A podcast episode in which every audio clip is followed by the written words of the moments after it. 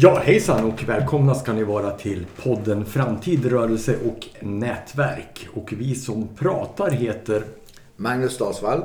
Thomas Almesjö. och jag heter Kjell Lindström. Och reglerna under det här samtalet är att eh, det är ganska fritt och öppet. Det är tillåtet att ändra sig, man får gärna spekulera, men man måste också lyssna.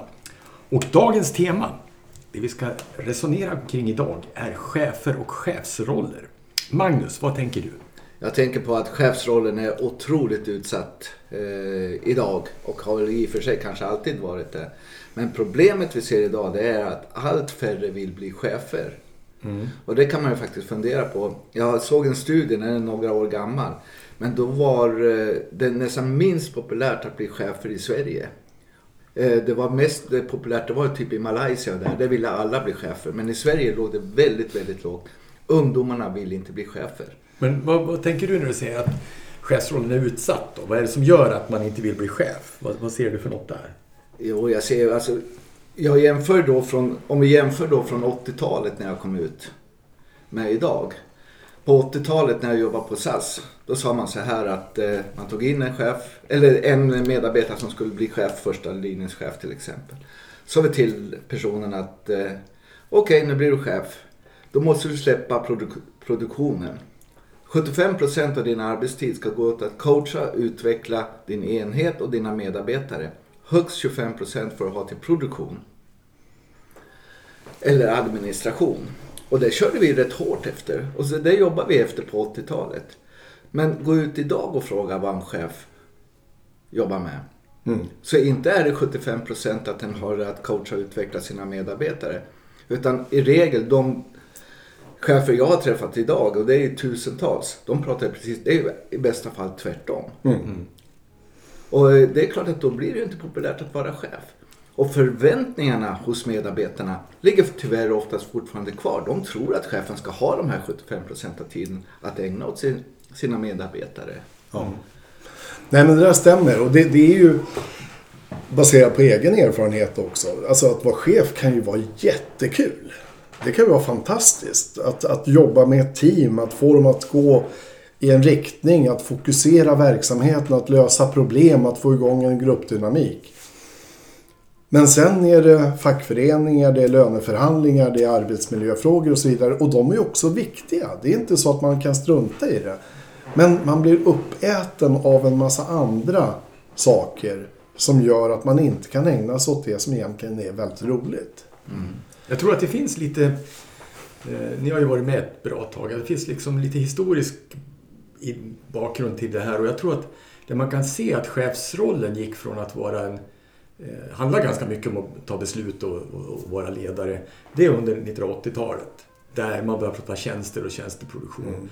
Och det som, som händer där, det är att, eh, att eh, det är en sak att tillverka varor. Det är en annan sak att, att producera tjänster. Och det leder till att organisationerna blir mer och mer komplexa. Det, och det kommer precis där. Och jag tror att det är en olycklighet, och särskilt i den svenska, eh, svenska organisationen, det är att Janne Karlsson som eh, ni har träffat och sådär. Janne Karlsson skrev sin bok I pyramiderna. Och en del i hans bok handlar ju om att minska byråkratin. Och ett sätt att minska byråkratin var att få bort sekreterare och assistenter från chefsrollen.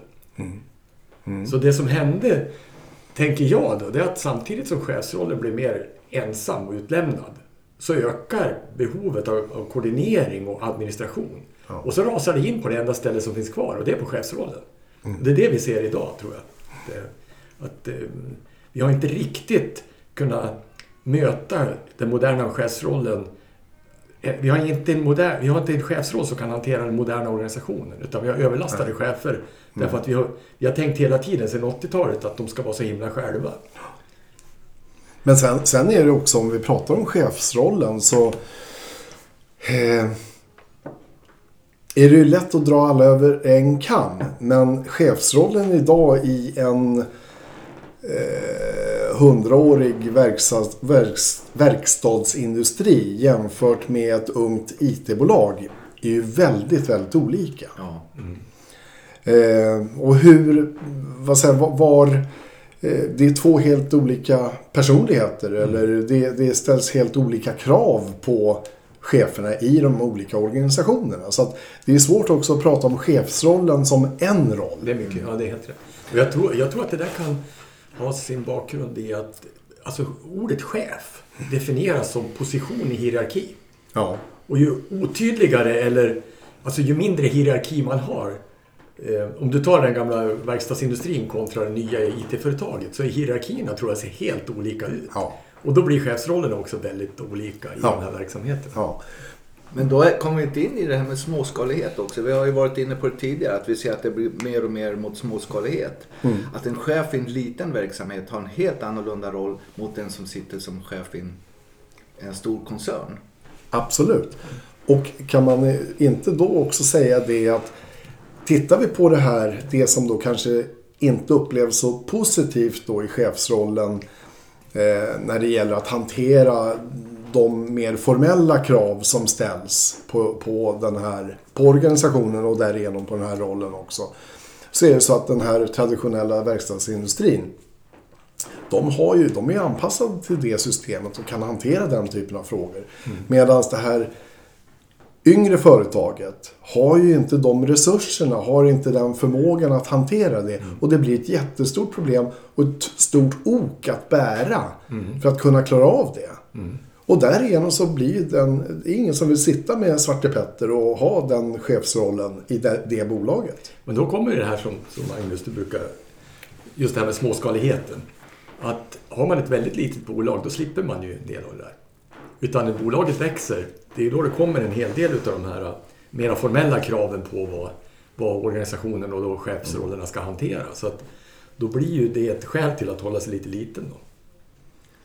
Ja absolut, ju större du blir desto, desto mer krav får du på dig. Men vi har ju å andra sidan, de som talar emot det, det är ju det att eh, om vi tar arbetsmiljö, vi tar systematiskt arbetsmiljöarbete. ska ju också göras i ett stort företag som i ett litet företag med fem anställda.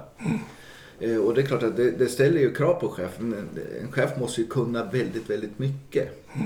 Och eh, för, eller, eh, fördelen i ett stort företag det är ju det att det kanske finns, eh, finns eh, stabsresurser, stödresurser som kan hantera de här frågorna som inte det mindre bolaget har.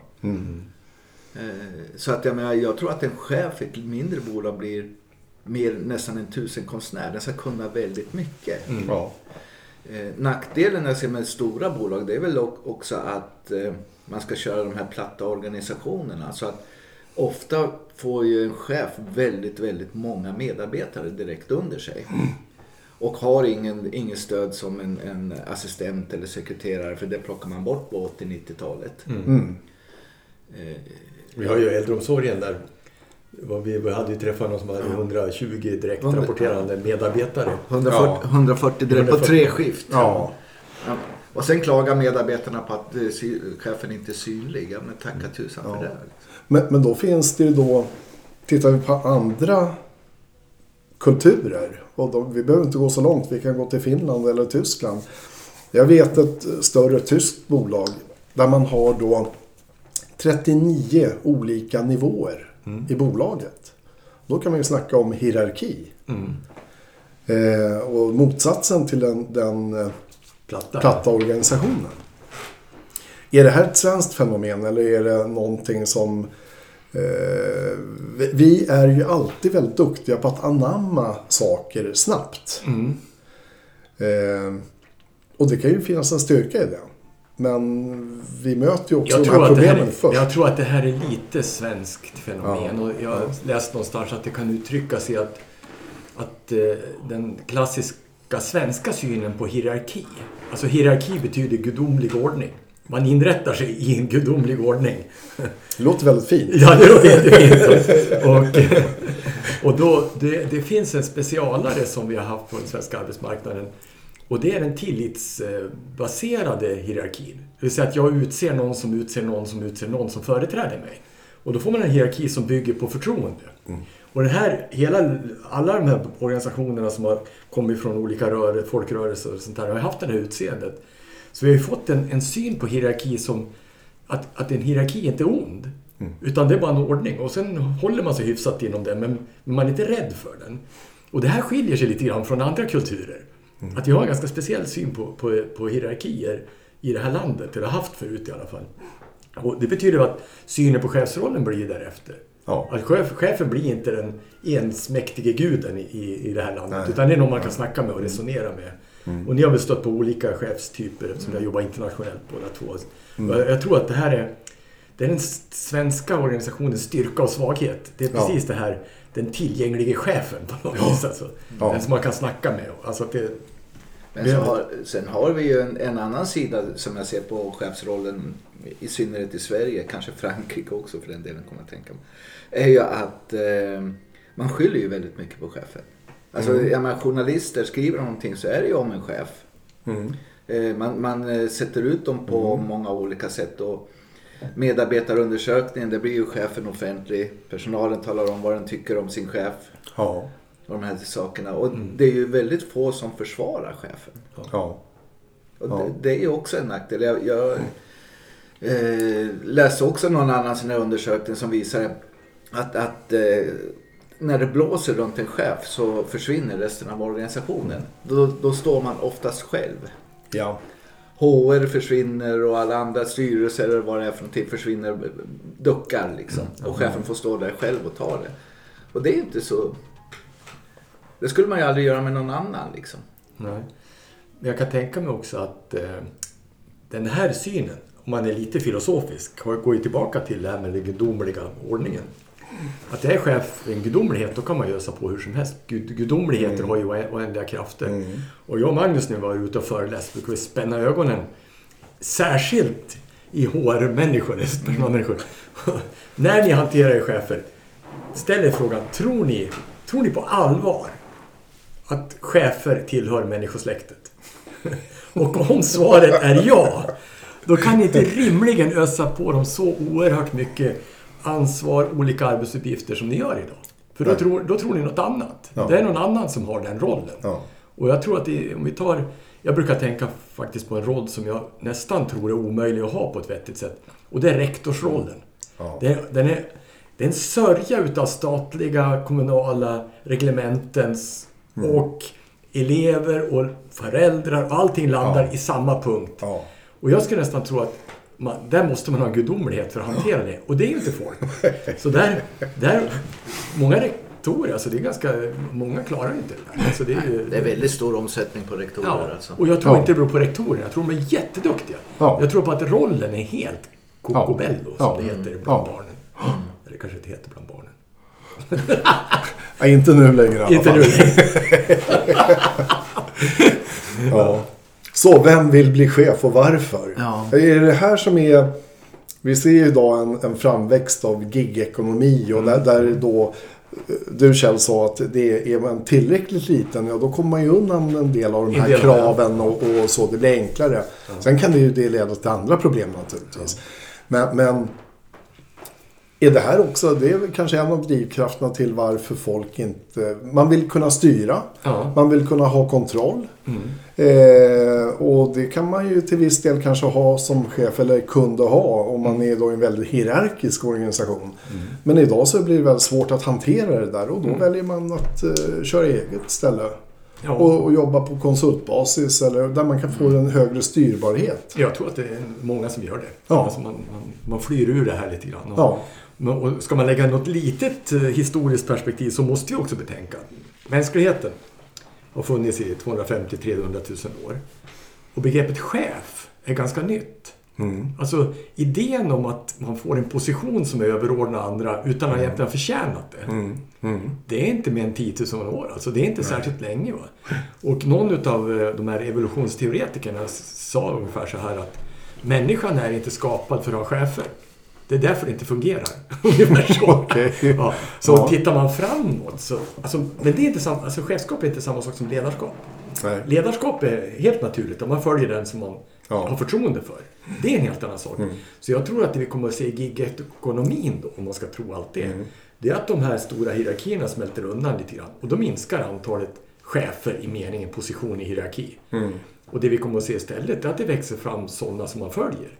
Ja. Och då är vi ju tillbaka igen till till det ursprungliga. Att man följer det. ledar, ledarskapet. Så det, det kan också vara så man drar i lite grann att det här problemen vi ser med, med chefskapet. Det Mm. är också en skakning på för, första högre, övre skäck.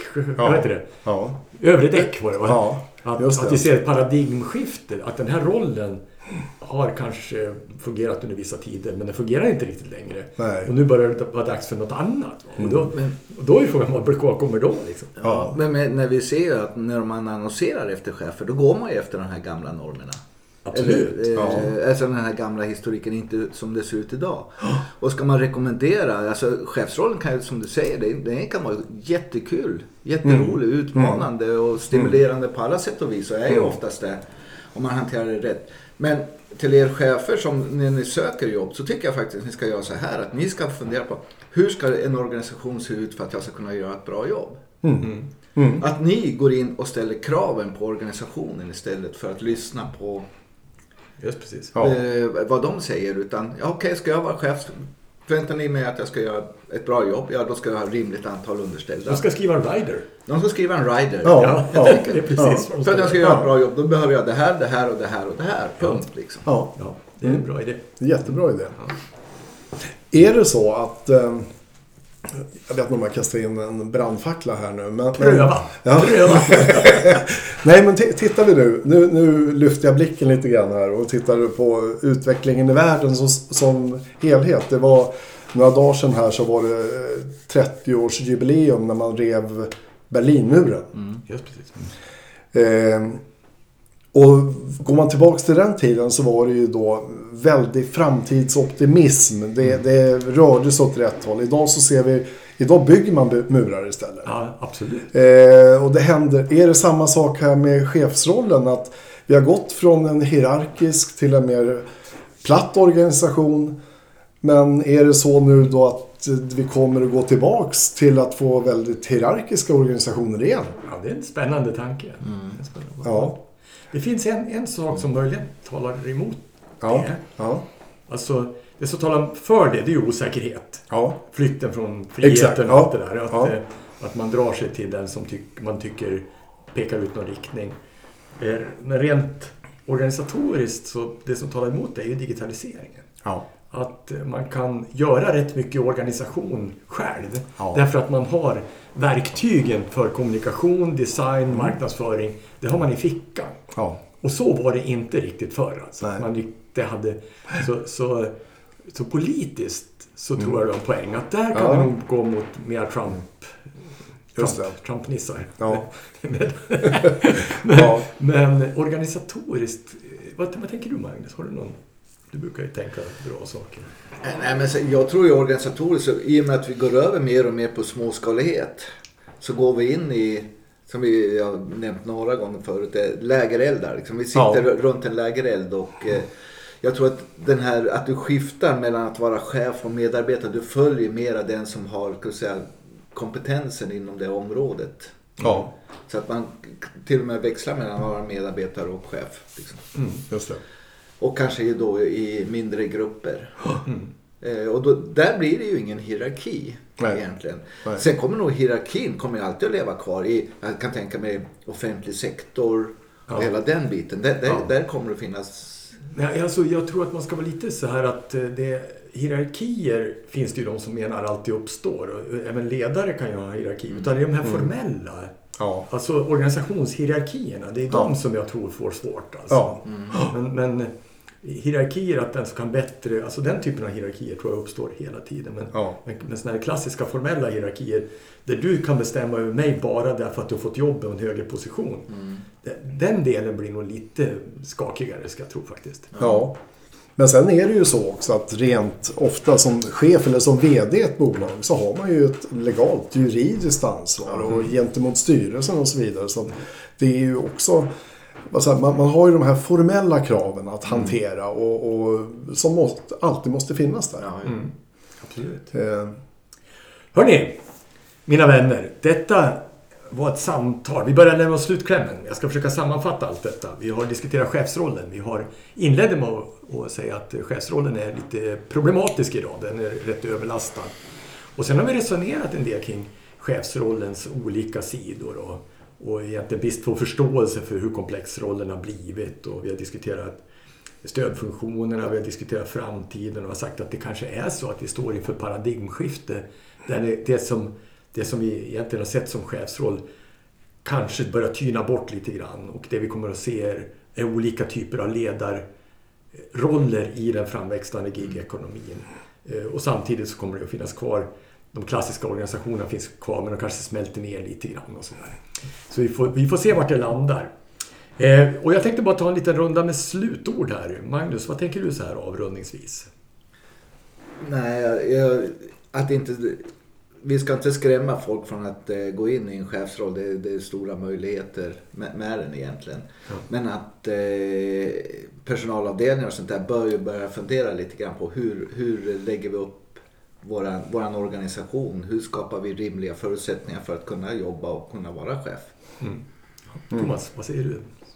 Jag tror att det svåra det kan vara svårt att vara chef för vilken organisation som helst. Men framförallt i mindre och medelstora bolag. För att mm. den typen av bolag kanske inte har den infrastruktur och, och, organisation som krävs för att kunna svara mot alla formella krav också. Mm. Som chef vill jag kunna ägna mig åt att bygga verksamheten och bygga affären och bygga teamet. Och det är ju kul. Mm. Men sen ska jag hålla på och harva med massa frågor som jag måste rent legalt och eh, det, det, så, det, det, är inte så att det är fel att hantera dem. Men det tar väldigt mycket av min tid. Mm. Och här måste jag hitta modeller där jag då kan ta in resurser att avlasta. Mm. Och det är inte så att jag anställer någon som ska sitta och bara jobba med arbetsmiljö. Men där måste jag hitta någon annan modell. Mm. Mm. För att de jag vill få in i bolaget, i teamet, de ska ju kunna utveckla verksamheten och affären. Mm. Det är ju där. Mm. Eh, och då ska vi kunna hantera de andra frågorna också. Mm. Mycket bra. Och mina tankar kring det här är att, att jag tror vi ser en ganska stor omvälvning. Vi går från, från ganska enkla organisationsformer och nu är vi inne i extremt komplexa organisationer. Och det de inte levererar, om jag får ansluta till dig Thomas, det är ju kulfaktor. Mm. Det är många som inte tycker det är särskilt kul att jobba i stora organisationer. Ja. Ja. Och jag tror att det här har en större sprängkraft än man tror. Och särskilt bland de yngre. Vill jag verkligen ägna mitt liv åt någonting som inte är särskilt kul? Nej. Och ni som sitter i stora organisationer och ni som sitter på HR och i ledningar. Här har ni en utmaning att fundera på. Mm. Mina damer och herrar, tack för oss. Vi återkommer med fler poddar i detta intressanta ämne, nämligen organisation, framtid, rörelse och nätverk. Tack för oss. Tack. Tack.